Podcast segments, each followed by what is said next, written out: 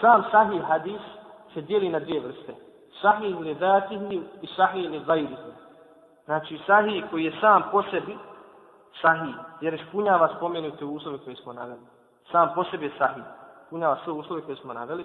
I sahih li gajrihi, to je hadis koji uslijed drugih hadisa postao, postao je sahih hadis. Znači on je sam po sebi hasen, međutim zbog drugih predaja koje ga pojačavaju, postao je sahih hadis. Zbog drugih predaja koje ga pojačavaju, postao je sahih hadis. Zamišljamo primjer sahih hadisa. Kad bilježi Buharija u svom sahihu, kaže, pričao nam je Abdullah ibn Yusuf.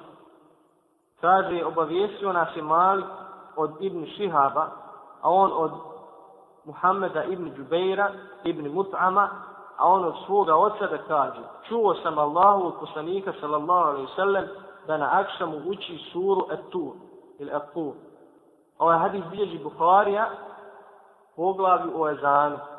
Hadijski učenjaci koji se bave izučavanjem ravija prenosilaca, za ravije ovoga seneda, ovoga hadisa, kažu sljedeće. Za Abdullaha ibn Jusufa kažu da je fikatun mutkin, to je da je povjerljiv i da je precizan prenošenje.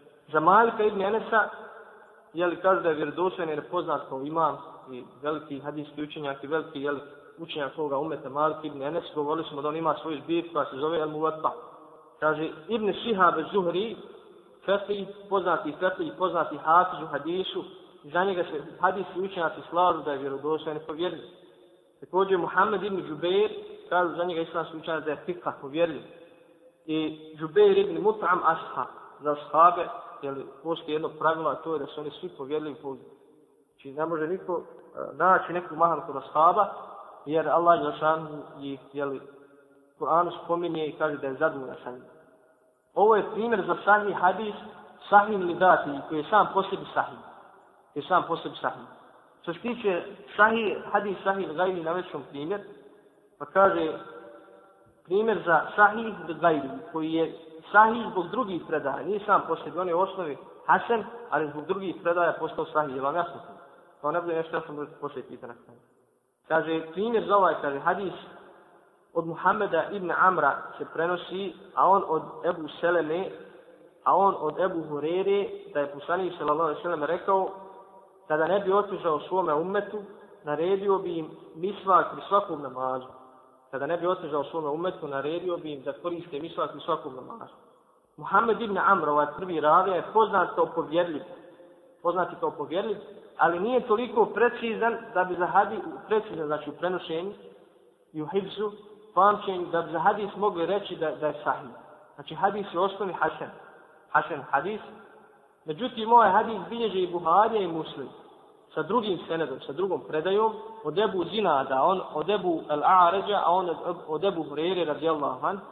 I hadis znači prema tome postaje sahih li gajrihi, to je sahih zbog drugih predaja kategorije sahih hadisa.